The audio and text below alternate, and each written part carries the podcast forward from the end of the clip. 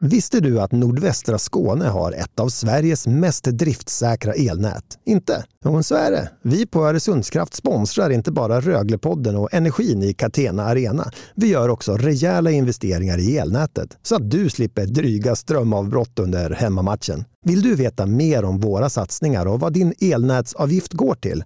Kolla in oresundskraft.se svarar.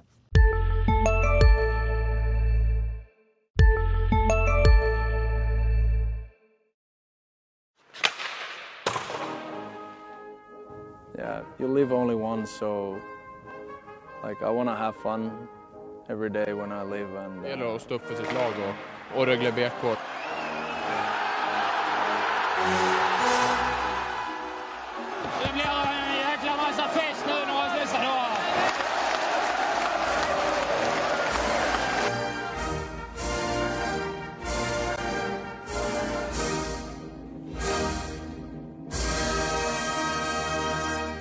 Just så, du vet precis vad du har klickat in dig på. Vi är här med Röglepodden och mitt namn känner ni igen, Mattias Hjelm och sen så finns ju alltid, vilka då, med här? Till vänster, Daniel Roth. Och rakt framför Daniel Roth står Linus Salin. Mäktigt. Och det finns ingen anledning att bromsa, utan bara gasa och därför rätt ut i det hela med frågan, vad är det som svajar? Varför svajar det så mycket i Rögle? 06! Hemma mot Linköping. Det här spelas in på onsdagen. Och de ska möta Linköping på torsdagen och mötte dem på tisdagen. 06 på tisdagen. Eh, Precis innan vi tryckte på räck på den här podden stod jag och sa att eh, jag vet inte riktigt vad det är som händer faktiskt. Eh, Och så fick du fingret rakt pekat på dig av Daniel direkt här. Svara. Linus, du ska gå på. Ja, men saken är den att alla lag kan torska med, med 2 eller 3-0 kanske mot, mot ett lag som Linköping. Men jag tyckte mig se varningsklockor ringa när Rögle förlorade med 2-1 borta mot HV71 efter sina tre raka segrar. Jag var i Jönköping, jag såg den matchen och det kändes precis som att de var lite nöjda. De hade vunnit två raka den veckan också. Och efter den matchen var lite sådana signaler om att ja men den här förlusten gör väl inte så mycket och det, det har ju ändå gått bra sista tiden. Lite sådana varningssignaler. Och sen då Linköping att tappa till 0-6 hemma och rasa igenom på det sättet när man trodde att trenden var på väg eller hade brutits. Det är för mig jättemärkligt alltså. Kanske ur ett idrottspsykologiskt perspektiv eller så är, är problemet betydligt större än så i grunden. Jag vet inte vad, vad ni själva tror. Min, eh, min förklaring är att det handlar om ett, ett, ett problem som går ända bak till strukturen, hur laget är byggt. Eh, jag tycker att det, man kan leta sig fram till de eh, ledande spelarna, som, eh, eller de tänkta ledande spelarna. Man kan se en, en fjärdekedja som har köpt sin roll fullt ut, går ut och kör den. Som försöker väcka laget. Men det finns ju andra spelare som, eh, som är de tänkta stjärnor som tjänar mest. Brian Lurg, eh, Johan Matti Altonen eh, med flera som ska bära det här laget men som inte gör det. Som eh, inte gör någon annan bättre och när de själva inte presterar så är de bara en tröja. Är det så att SHL har blivit bättre den här säsongen och att den nivån som Lörg höll förra säsongen och den nivå som man trodde att Altonen skulle hålla, att den liksom inte har följt med upp i ökad kvalitet. Kan det vara så? Nej, det är jag tveksam till att det har blivit så mycket bättre. Jag tror snarare att uh, Lurgy är kanske inte på de höjderna som han själv var. Han hade ganska bra eh, mål, målen trilla in för honom för säsongen. Han, han har ju fullt, fullt upp med sig själv. Liksom. Han, uh, han måste leda laget mycket mer. Alltså, man, som den här HV-matchen borta där. De står uppställt för ett uppställt powerplay i slutet av tredje perioden och liksom Altonen ger bort pucken i, i, i anfallszon. Man, det funkar inte. Man kan inte göra så. Man måste kunna begära mycket mer. Det är en sån, det är en sån eftermiddag där de här tänkta spetsspelarna måste gå in och, och stänka in 2-2 och rädda en poäng. Man kan inte begära det av, eh, eh, av så många i den truppen. Men det är några stycken som man kan begära det av, tycker jag. Det kan vara så att våra lyssnare nu tänker att nu står de tre i sin studio och vänder kappan. För det var inte så länge sedan vi stod här och lovordade Brian Lurg för inställning och att det hade förändrats och så vidare. Men handlar det då om, är det produktion nu vi syftar på när vi pratar Brian Lurg? Eller är det att leda laget i motvind eller hur tänker vi? Ja, men jag är nog eh, någonstans där. Men liksom, man ser vad som händer när eh, man får liksom en, en risig start och det börjar glida iväg. Vem går man till då? Vem stoppar fallet? Vem eh, sätter upp liksom ramar? Nu, nu har vi fallit för långt här, nu måste vi stå upp detta. Det är ju till ett lag som bara rasar ihop. Eh, igår, Linköping är inte ens är inte jättebra. Eh, men de vinner ändå med 6-0. Det är där jag menar bara att, att de tänkta ledande spelarna som måste liksom ta, ta flaggan och gå. Liksom. Man kan förvänta det av. De gör inte riktigt det. Jag skulle vilja säga så här, nu pratar vi bara om Lörg här, men jag skulle vilja lyfta fram tio spelare. Lörg är en av tio spelare i powerplay. Om vi tittar på matchen mot Linköping, de får ett powerplay. Tveksamt om de skulle ha haft det, det skulle nog ha varit en utvisning för båda laget som de spelar med sex man på isen, Rögle där ett tag. Men de fick den och havererade fullständigt, släppte in ett mål där. Och när jag pratade med Edvin Hedberg efteråt så konstaterar han att ja, powerplay är alldeles för dåligt. Och det är ju så, powerplay är så viktigt och funkar inte det, utan man till och med släpper in mål när man har powerplay, då hamnar man ju i en uppförsbacke som är ett sånt dränage på energi. Och jag, jag vet inte, det någonstans känns som att man, man måste sätta powerplayet igen. Sju raka powerplayförsök utan något mål framåt, det är för dåligt. Där, alltså det skulle kunna ha gett en helt annan bild av den här matchen, en helt annat spel av matchen om Rögle hade tagit ledningen. Där är Lörg bara en av tio, så jag vill kritisera tio spelare. Ja, men det är helt rätt. Jag, jag, jag menar inte att det är liksom två spelare, så Det blir, låter kanske så. Men det är exemplifiering och det är, det är ändå de som tillhör de bäst betalda spelarna som man har rätt att ställa de högsta kraven på. Och det, det är helt rätt att det är, det är många som ska ha. Men eh, min känsla där är väl bara att powerplay är väl ofta liksom en, en förlängning av hur laget mår. Mår laget okej okay, så är ofta powerplayet bra det är sällan ett lag som är i total eh, haveri har ett fungerande powerplay. I alla fall min känsla. Någonstans kommer vi väl fram till att om vi slår ut de matcherna som har spelats den här säsongen som Rögle har spelat så är det väl egentligen bara en spelare som har kommit upp i den nivån man har kunnat förvänta sig sett över samtliga matcher. Det är Craig Shearer. Resten är ju inte där de borde vara sett över samtliga matcher. Tycker inte jag i alla fall. Nej men jag håller med. Det, det är väl kanske den liksom, kategorin eh, som jag fiskar efter lite när, när ett helt lag faller. Att det måste vara några som, som bromsar fallet. Och Shearer gör, gör, gör ju verkligen vad han kan. Han går i bräschen på alla tänkbara vis. Men han är ju alldeles för sällan en sån kväll som i, alldeles för ensam en sån kväll som igår. Jag skulle vilja lyfta fram några intressanta siffror här och koppla till det, det du pratade Daniel om strukturen, grundstrukturen i laget. Under fjolårssäsongen, under grundsäsongen så spelades då självklart 52 matcher. Rögle släppte in 158 mål, det är 3,04 mål i snitt. Vi börjar där med att släppa in mål. Nu har man släppt in 49 mål på 11 matcher. Det är alltså ett höjt snitt från 3,04 till 4,45 mål per match. Vad säger ni om de siffrorna?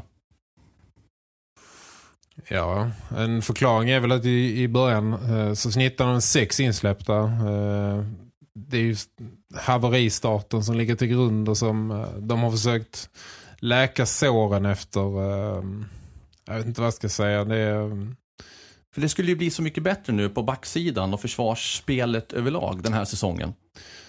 Ja, uh, mycket av vad som gick snett i början har vi väl ältat med innan liksom Poggi kom in och, och fick ett, ett, ett bättre. Det har väl hänt mycket strukturellt efter det. Eh, även om det har dippa igen de två sista. Vad sa du Linus?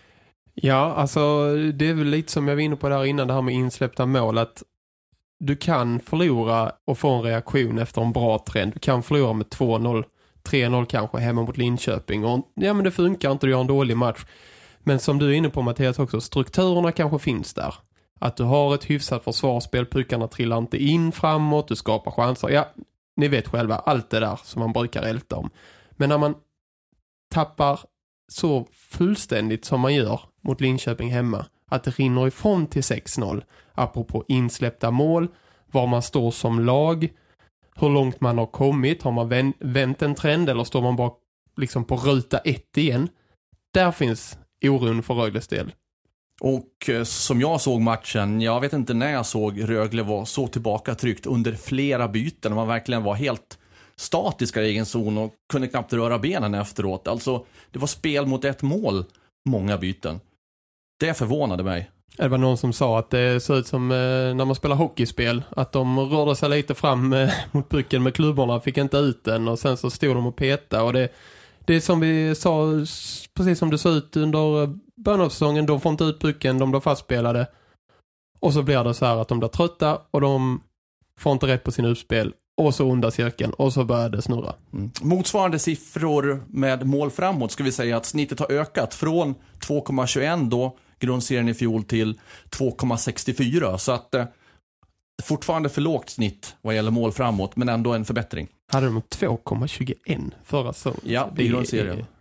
Min känsla var ju att det var ett lag som hade otroligt svårt att göra mål för säsongen. Där känns det som att det finns lite mer hot, även om liksom, produktionen varierar kraftigt. Så det har man inte sett samma, man har inte sett de de här matcherna man åker runt och missar tio friläge i rad. Liksom. Det har ju varit ett, ett betydligt mer effektivt Rögle i känslan så här långt. Ja, eh, ska vi släppa den matchen och titta framåt på nästa match som kommer snabbt, torsdag kväll, mot Linköping igen, uppe i Linköping. Jag ska dit och bevaka i Saab Arena. Känns trevligt att få åka till sin gamla hemstad. Men det verkar vara rejält med förändringar, Linus. Du var ute på träningen idag, onsdag. Ja, precis. Jag brukar ju kunna dra de här förändringarna ur huvudet. Men jag har faktiskt fått skriva ut en lapp nu som jag ska läsa från. För det, det var mycket att hålla reda på. Men eh, huvudsakerna, var, om de spelar som de tränar så är det alltså Jack Connolly och Mattias From som sätts åt sidan. Eh, Johan Matti Altonen går in med Ted Brithén och Edvin Hedberg. Och sen Brian Lurg och Daniel Widing då får istället Filip Karlsson som kommer in från läktaren som center. Och sen går Simon Ryfors in från bänken med Ludvig Rensfeldt och Sebastian Kollberg. Och så den då lovordade fjärde kedjan med Daniel Sylvander, Linus Sandin och Taylor Mattsson är intakt. Så man kan ju säga att det är ändringar i tre av fyra kedjor. Backparen är precis som de har varit tidigare. Så där händer en hel del och eh, ni eh, som har premium på HD, ni kan gå in och läsa en intervju med tränaren Anders Eldebrink om just de här förändringarna. Och det var väl mer än så, va, Linus? Det skulle till och med kunna bli ännu fler förändringar. Ja, Hej, Ulf Kristersson här. På många sätt är det en mörk tid vi lever i.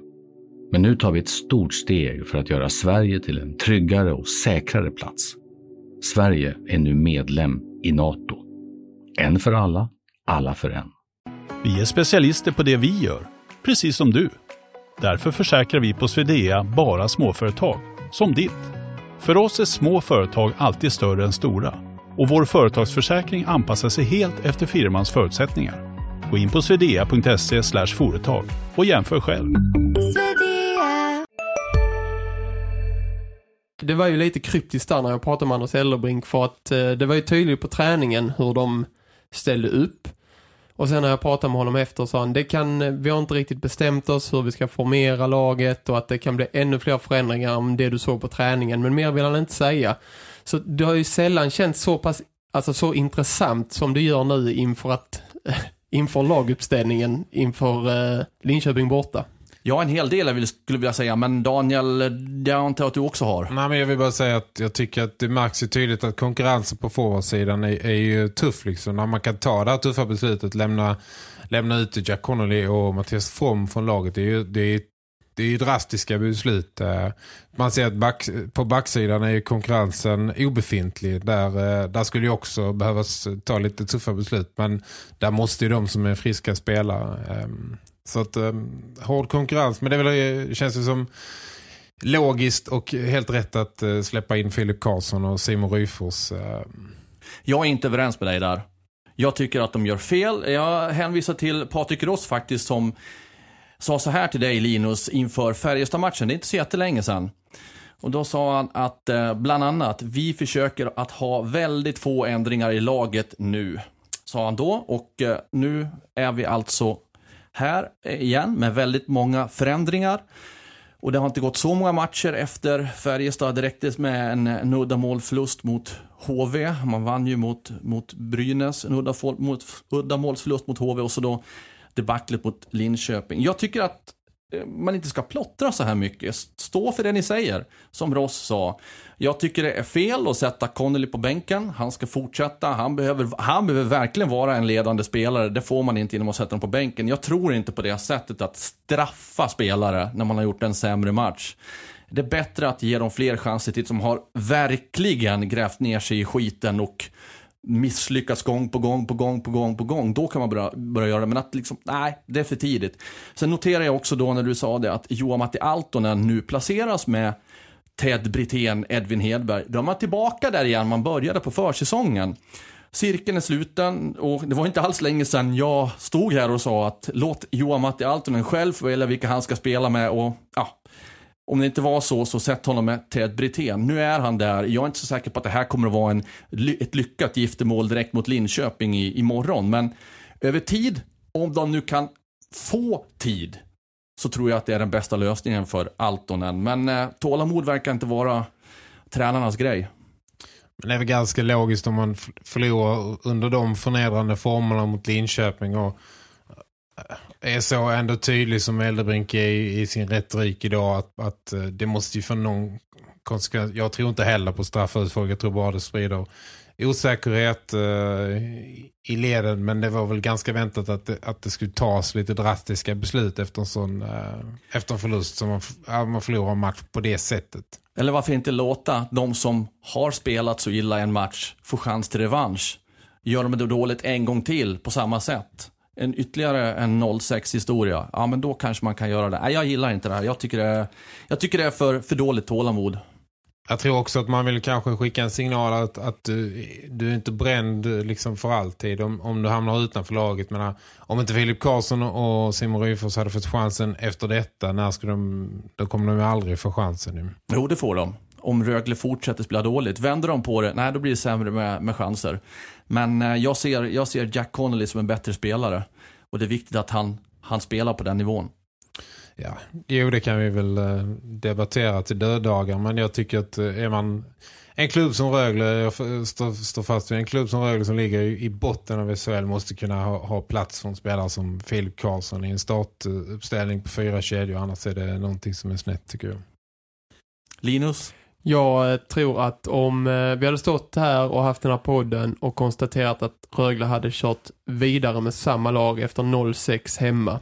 När man har två friska, unga, stampande spelare som väntar på att få sin chans. Då hade jag varit mer kritisk än vad jag är åt det här, det här beslutet. Jag tycker att man borde skicka en signal och man borde göra någonting.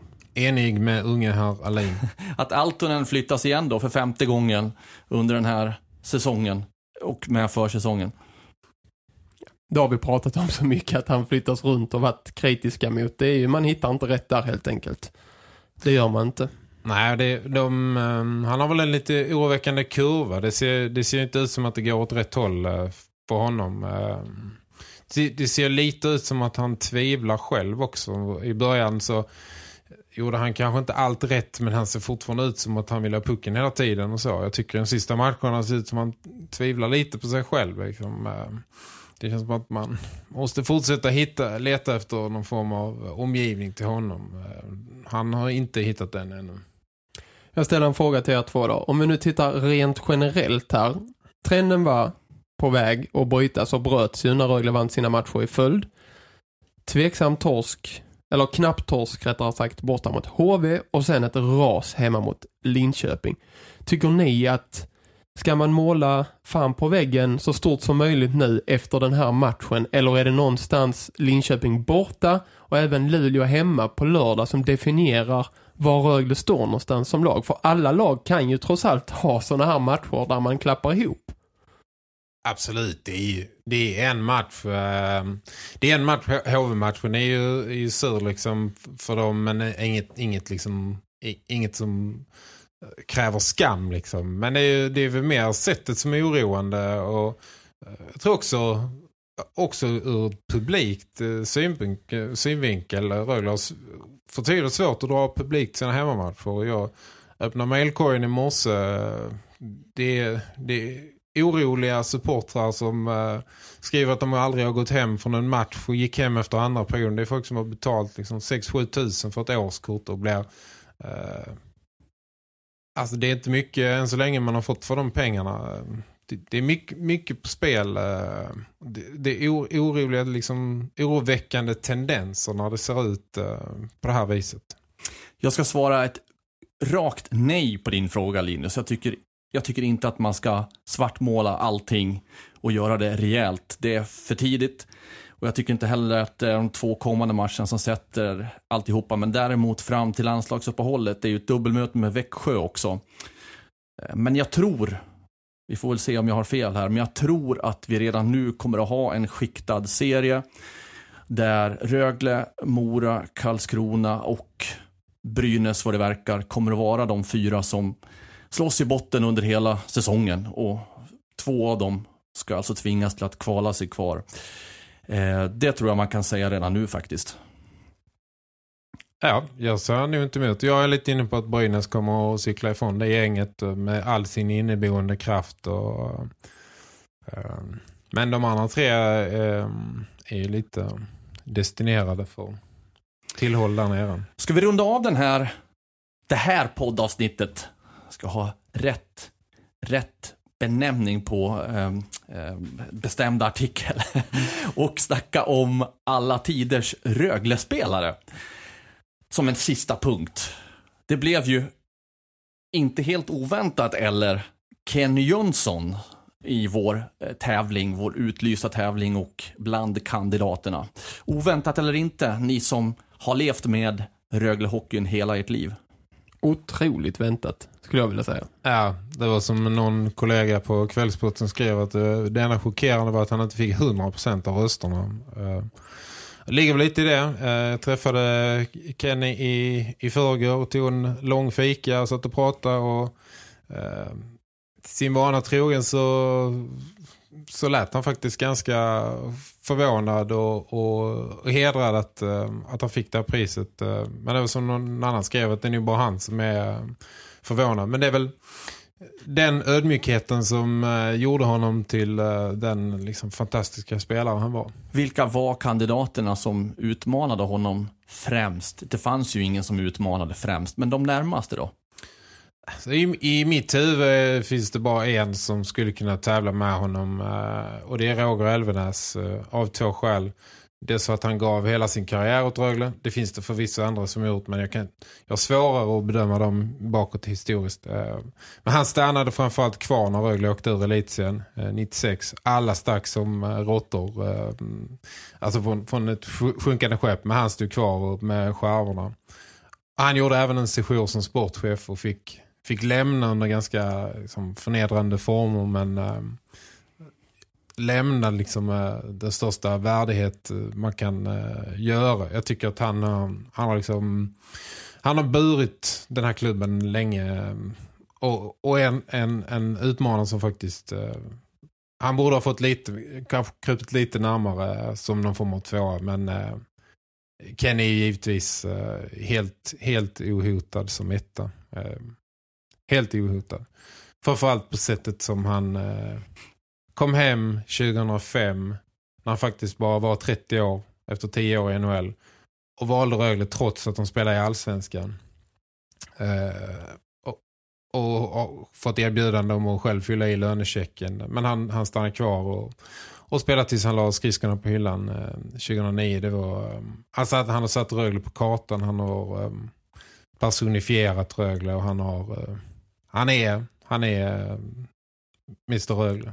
Och med, med de orden så, så säger vi också stort grattis härifrån i Röglepodden till alla tiders Rögle-spelare till dig Kenny Jönsson om du lyssnar på det här. Gör du inte det så hoppas jag att någon av er som lyssnar på det också vidareförmedlar det till honom att vi tackar för hans insatser och gratulerar honom.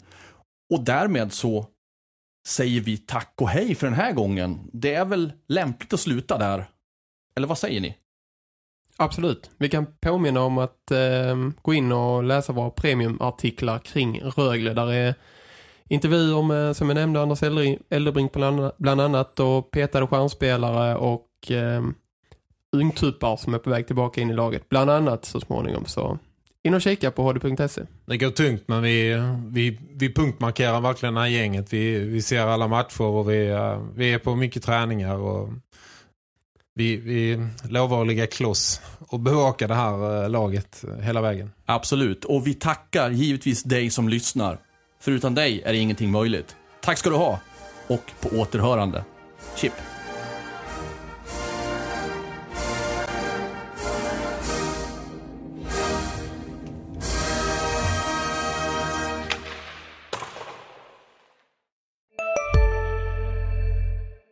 Hej, Synoptik här.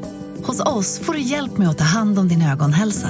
Med vår synundersökning kan vi upptäcka både synförändringar och tecken på vanliga ögonsjukdomar. Boka tid på synoptik.se. Hej, Susanne Axel här. När du gör som jag och listar dig på en av Krys vårdcentraler får du en fast läkarkontakt som kan din sjukdomshistoria. Du får träffa erfarna specialister, tillgång till lättakuten och så kan du chatta med vårdpersonalen. Så gör ditt viktigaste val idag, Lista dig hos Kry.